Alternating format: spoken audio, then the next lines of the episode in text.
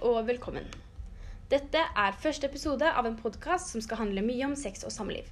Og akkurat i dag så har jeg tatt for meg en problemstilling som jeg skal drøfte.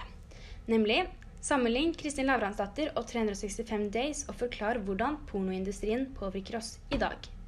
Her er det veldig mye å ta tak i, så jeg tenker vi bare hopper rett inn i det. Hvis vi først starter med å si litt om de to filmene. Kristin Lavransdatter er egentlig en romantriologi skrevet av kjære Sigrid Undset i 1920, 1921 og 1922. Hun vant faktisk Nobelprisen i litteratur i 1928, spesielt for sine beskrivelser av livet i Norden i middelalderen.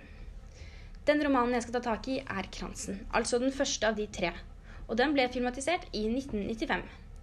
Veldig kort fortalt så handler 'Kransen' om en jente ved navn Kristin Lavransdatter som forelsker seg i ridderen Erlend.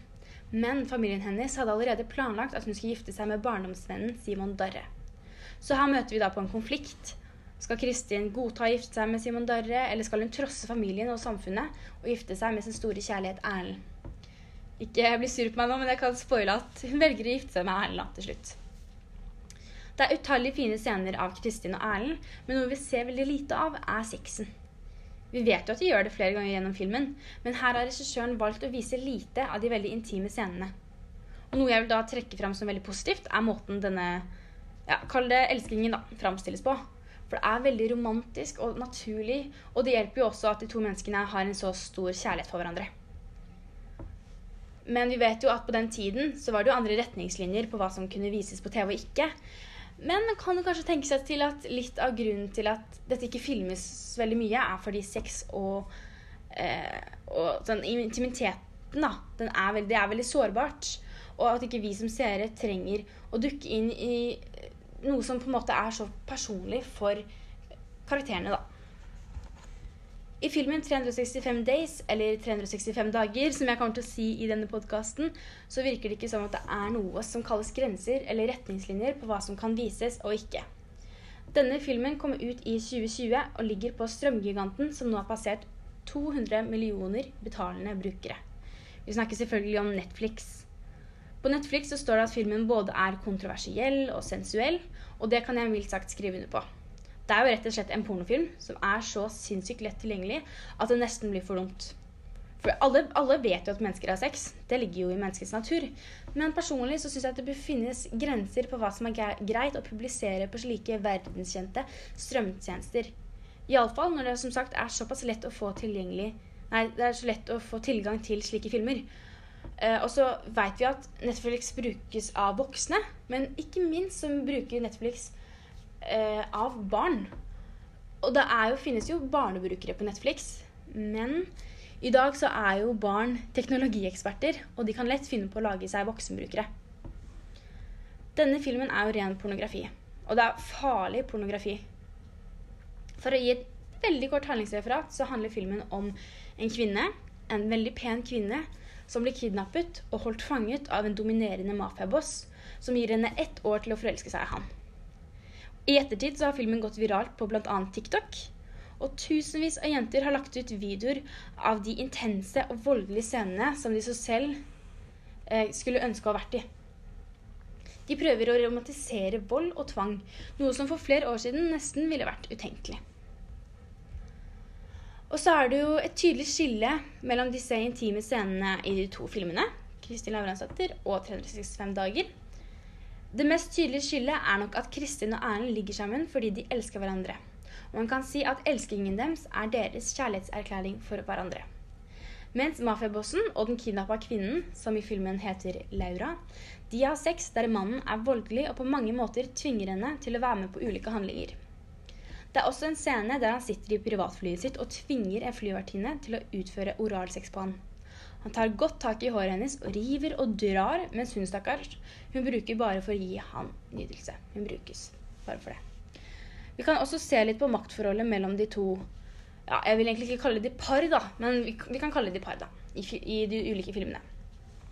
Jeg vil faktisk tørre å påstå at i begge parene så er det mannen som er den dominerende.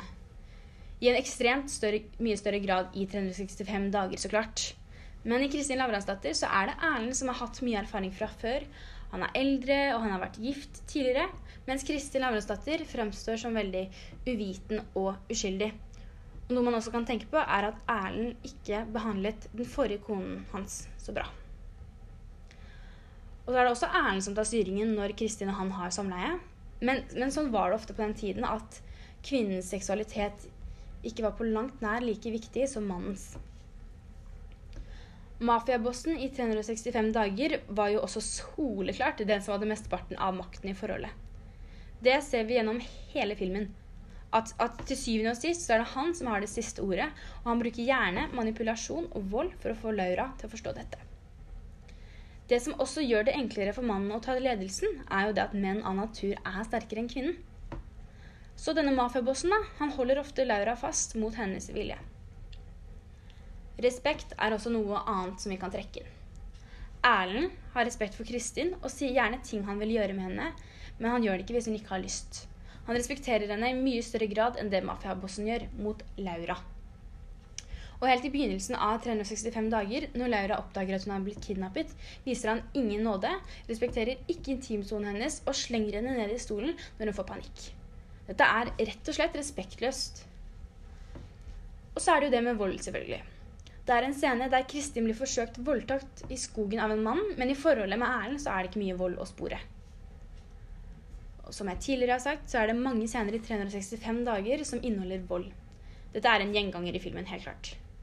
Og Hvis dette hadde vært en ekte handling, ville man mest sannsynlig sett at Laura hadde hatt blåmerker over hele kroppen fordi mafiabossen er såpass voldelig. Men dette ser vi ikke noe av i filmen, som også kanskje kan tyde på at filmskaperne prøver å romantisere vold. Og det er det jeg føler hvert fall er de mest viktige sammenligningene mellom de to filmene. Og så er det jo det jeg syns er viktigst å snakke om i forhold til slike filmer og pornografi generelt, nemlig hva slags negativ påvirkningskraft dette har. 365 dager er på veldig mange måter en pornofilm som sammen med pornoindustrien vil påvirke folk i forskjellige typer grader. Akkurat her så vil jeg ikke si at det er like relevant å bruke Kristin Lavransdatter som eksempel, så vi tar hovedsakelig for oss 365 dager og annen type porno. Først og fremst så bidrar 365 dager til et forvridd kvinnesyn. Det er flere episoder der mafiabossen får inn noen av eh, hva skal man si, jentene sine da, for å please han. Han behandler dem som dritt, mens de prøver så hardt de kan å please han med bl.a. denne oralsexen som jeg snakket om tidligere. Og hva sier dette om kvinnesynet? Skal kvinnen kun brukes som et objekt for å tilfredsstille mannen? Og hva med kvinnens nytelse? Skal man ikke tenke på det? Sexen som skal være mellom disse personene, ble plutselig til et enmannsprosjekt. Det kan lære voksne, og kanskje aller mest ungdommen, som kanskje er uerfarne, da, at hovedfokuset under samleie er å ha mest mulig nytelse selv, istedenfor å ha en koselig stund med partneren sin. Et eksempel er jo også at mafiabossen knyter fast Laura mot hennes vilje, og deretter sier 'jeg gjør hva jeg vil med deg'. Nok en gang så kan dette føre til at flere tenker å, ok, kvinnen skal bru kun brukes eh, for meg, og hun har ikke noe hun skulle sagt i denne saken. Og det som er veldig viktig å vite, er at 34% av alle barn i Norge mellom 9 og 16 år bruker porno. Derfor er det ekstra viktig å være varsom med hva slags pornovideoer eller filmer som legges ut såpass tilgjengelig for folk. Og iallfall når vi ser tendenser til bl.a. vold. Jeg vil ikke tro at Kristin og Erlends seksualitet vil påvirke folk i en veldig negativ retning, i og med at sexen er mellom de to, og kun de to. Uh, og det kan lære oss at uh, gjennom samleie så kan man markere at man er glad i hverandre. Det er en slags det er en kjærlighet, da.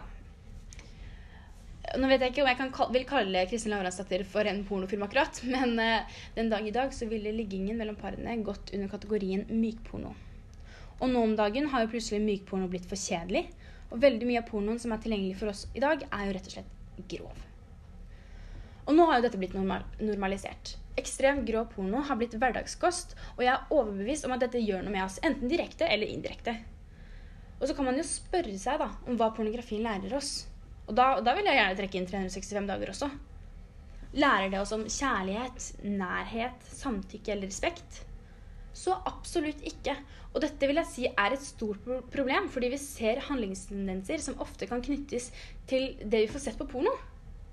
Noe som også er trist, er at sex veldig ofte er et tabubelagt tema som gjør at særlig unge mennesker søker seg til pornoen når de skal lære om kropp, sex, nytelse eller f.eks.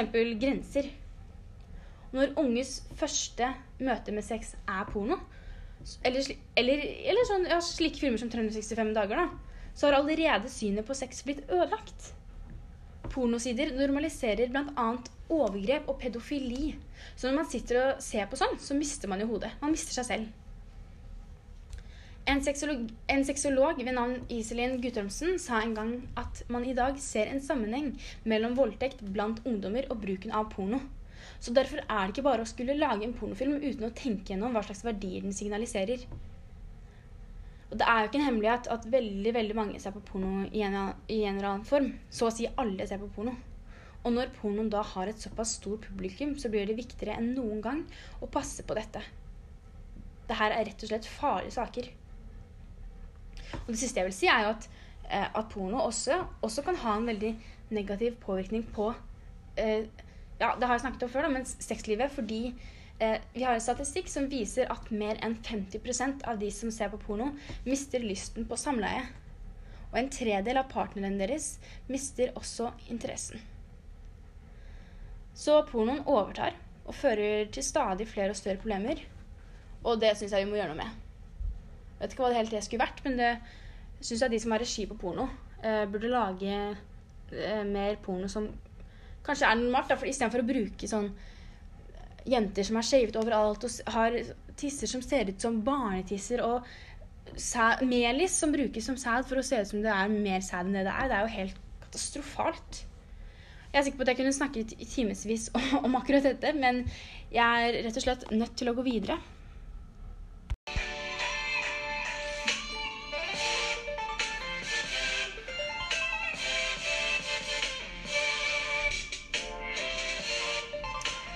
Ja, helt til slutt i denne episoden så har jeg nå fått inn en gjest som skal svare på noen spørsmål av meg, som vi skal diskutere litt sammen. Denne jenta er 18 år og lever midt oppe i dette samfunnet som mange vil si er nokså kaotisk. Vilde, velkommen. Tusen takk. Jeg tenker vi bare går rett på spørsmålene hvis det er greit for deg. Det er veldig greit. Er det for deg en stor forskjell på hvordan de seksuelle scenene i Kristin Lavransdatter og 365 dager er? Eh, ja, det vil jeg absolutt si. Eh, jeg sliter egentlig litt med å se likheter. Mm. Eh, jeg vil si det at Kristin Lavransdatter så er det veldig mye fokus på kjærligheten. Og de lever jo i et samfunn hvor eh, sex utenfor ekteskap er sånn veldig tabubelagt. Og det, jeg føler det sier litt om hvor mye de på en måte elsker hverandre. da, Når de velger å trosse alle normer og regler i samfunnet Mm. for å være med hverandre. Mm. Men i 365 dager så ligger han Massimo med flere jenter i løpet av filmen, og sånn som hun på flyet. Ja. Ehm, så ja, jeg vil si at liksom det er mye mer intimt og kjærlighetsfullt i Kristin Lavransdatter Mm. enn i 365 dager. Selv om det ender opp med at de elsker hverandre da på slutten av filmen. Massimo og Laura. Ja, fordi da hun der eh, Det kommer inn en dame etter hvert når Laura nekter å være med på eh, en omgang med han mafiabossen, så kommer det inn en annen jente som han ber eh, suge seg, da, Mm. eh, og sier at til Laura at dette går du glipp av. Ja. Og det tenker jeg det er kanskje ikke noe man hadde gjort med, mot en du elsker, da. Nei. At Nei, for det, ifølge meg så er jo det eh, Det er bare ikke noe man gjør, på en måte. Nei. Og i hvert fall med tanke på det samfunnet de levde i. Mm. At alt var så tabubelagt, og liksom man skulle ikke ha sex med man ikke var gift med. Mm. Så ville man ikke gått og på en måte plukka en helt eh, random jente. Nei. og tatt henne med inn og ligge med henne. Når det på en måte, i utgangspunktet var så ugreit da, å ligge med noen. Og tatt hun i en sånn derre Jeg vet ikke hva han hadde på seg, men sånn, sånn stropper og liksom Ja. Rumpa skulle ut, og puppene skulle klemme sånn og sånn. Det ble liksom sånn Det er jo ikke det som er det naturlige, Nei. på en måte. Det er, det er en mye mer realistisk fremstilling i Kristin Lavransdatter, Ja. selv om det er veldig konservativt. mm. Men jeg vil heller si at man er nærmere der enn det så, Man bruker jo ikke stropper. Nei, man, man gjør jo ikke det. må Ja, men det er sant. Ja. Men også kan vi gå til neste spørsmål, da. Det kan vi. si at uh, filmen 365 dager kan ha en negativ påvirkning på deg? Og i så fall hvordan? Vil du da si det? Jeg vil jo si at etter filmen så satt jeg jo igjen med litt sånn En litt dårlig følelse, på en mm. måte. Fordi jeg tenkte Oi, er det sånn jeg liksom De har jo sex i filmen, og det blir jo nesten en slags performance. Ja. Altså Det blir jo en opptreden å skal ha sex, på en måte. Mm. Og da blir man jo litt sånn Oi, er jeg bra nok? Jeg ser ikke sånn ut. Eh, Hun, hennes tiss ser ikke ut Ja, ja. som min, min, og han har jo Kroppen hans er jo så helt urealistisk på en måte. Man kan ikke forvente noe sånt. Så jeg vil si at på en måte, den biten av det ga meg en ganske sånn dårlig følelse. Mm. Men filmen hadde jo blitt så hypa opp, så jeg var egentlig bare skikkelig gira på å se den. Så jeg hadde sett den, så var jeg litt sånn juhu. Men Ja. så tenker man seg litt om, og så er man sånn mm, Mm. litt kjipt. Og så skal det alltid liksom være det med at du alltid skal se bra ut, og alt skal føle deg Ja. fresh og fin. Og det er jo sånn, i hvert fall for meg, så er det jo ikke sånn i det hele tatt. Nei. Det er nesten de fleste dager hvor jeg føler meg dritt og liksom Ja. sånn. Så det er jo ikke sånn, i hvert fall ikke sånn jeg vil oppleve da, kjærlighet, selv om jeg ikke vil si Nei. at det mellom de egentlig var kjærlighet. Det var kanskje tvangskjærlighet fra hans side. Ja, Ja. egentlig kanskje litt. Mm. Men jeg tenker også grunnen til at man kanskje føler seg så dårlig, da. Kanskje det er pga. alt det vi har rundt oss. Ja. Alle sånne typer filmer. At man ikke Man ser ikke ut som de, man sammenligner seg med de sånn Hadde man ikke hatt sånne filmer, så hadde man jo ikke tenkt Å, puppene mine Nei. Jeg har ikke nok spredt rumpe. Og Mm-mm. man hadde jo ikke tenkt det, for man hadde ikke noe sånt å sammenligne seg med. Nei, nei, jeg er helt overbevist om at alle de insecuritiesa jeg har, på en måte, det er fra samfunnet rundt meg. Ja. Når jeg står i speilet og så, og hip tips og ditt og datt, så er jeg sånn, det hadde jeg aldri tenkt på, med mindre folk har kommet og begynt å snakke om det og på en måte gjort meg oppmerksom på det. da. Ja, helt enig. Mm. Uh, vi kan gå til siste spørsmål. Har du selv sett at folk har en tendens til å bruke porno generelt til noe negativt? Veldig ofte, Ja. egentlig. Mm. Eh, har et par eksempler, hvis du vil Ja, ja. at jeg skal ta det. Sure. Eh, begynner litt på gutta sin side. Mm. Eh, veldig mye sånn derre Å, jeg skal knulle deg, og Mm. ah, bitch, og blah, blah. Ja. Det kommer fra et sted, Mm. ikke sant? Mm. Det er som hvis man er i en liten, liten diskusjon, liten krangel, så er det sånn Bare pass deg, jeg knuller deg. Ja, Og så er man sånn Hæ? Det blir nesten brukt som en trussel. Ja. på en måte. Og så er det sånn Hva, hva er det du sier? Mm. Um, og så har jeg også venninner som har vært på ja, one night stands, kommet hjem og fortalt liksom om hvor gutter driver med så mye crazy. Ja. Altså, det var jo en som spurte en av venninnene mine hvorfor hun ikke hadde sånn hull nederst i trusa. Så man bare skal liksom og altså, Han trodde liksom at alle gikk rundt med sånn. Og han var, ble helt sjokkert, og hun ble også helt sjokkert. Altså, Har du ikke skjønt noen ting, du? Ja, ja. Det er det jeg har tenkt på. Sånn, det med forståelse. Ja. Det med å forstå at uh, man bruker ja, Som jeg sa tidligere, da jeg fikk et lite utbrudd på slutten av forrige episode, at man bruker melis for å ikke se ut som man sæder mer. Ja. Man bruker også uh, Jeg hørte på at en podkast som snakket om at man bruker eh, ballonger til å liksom gjøre klart rumpehullet til en jente hvis, en, hvis, de skal, hvis en mann skal utføre analsex på henne. Og det er det som jeg syns er litt farlig. det er at gutter da måte, det, men, det, men det får man ikke se. Det er den mørke siden av Ja. ja, det er det man ikke får sett. Sånn at folk eh, da kan forvente at ok, men det er så lett, og det er så lett. Jeg, jeg har Ja. ikke hørt om noen som har prøvd analsex som har syntes at det har vært lett Nei. i det hele tatt. Byr alltid på utfordringer, og det er ikke så romantisk som man ofte skal ha det til. Nei. Nei.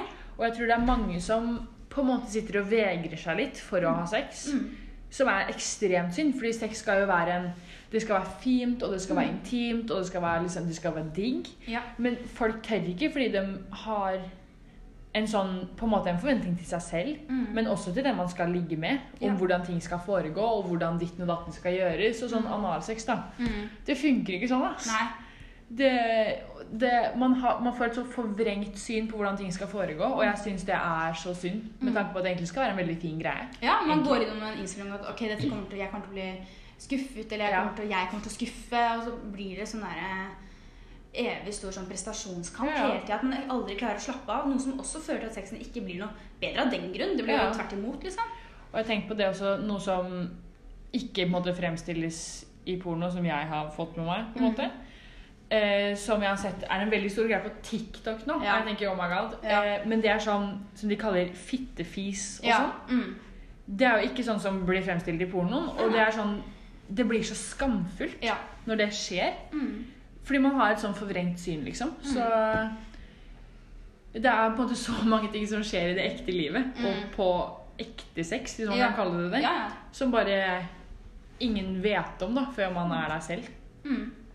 Det er det som jeg er ganske sikker på at kan føre til at folk er, som du sier, som er redde for å gå Mm. inn. Fordi jeg er redd for det, og redd for å bli latterliggjort, og redd for at den, den tingen som egentlig skulle være så sårbar og intim, heller blir en sånn at han, han kan gå og fortelle gutta, eller Ja. det blir liksom noe som alle veit om, da. Og spør alltid sånn 'Å, var hun god i senga, Ja, eller?' og skal rate, og det er folk Ja. som lager lister, og det er ikke måte på. Ja, Det, det, jeg er veldig motstander av akkurat den delen her. Altså. helt enig.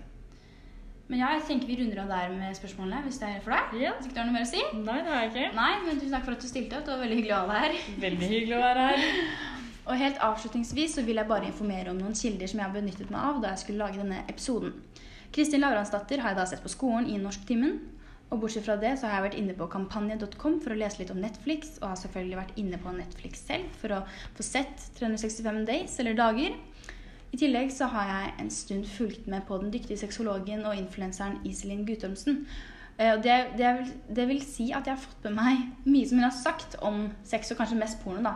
For det er et tema som står hennes hjerte nær.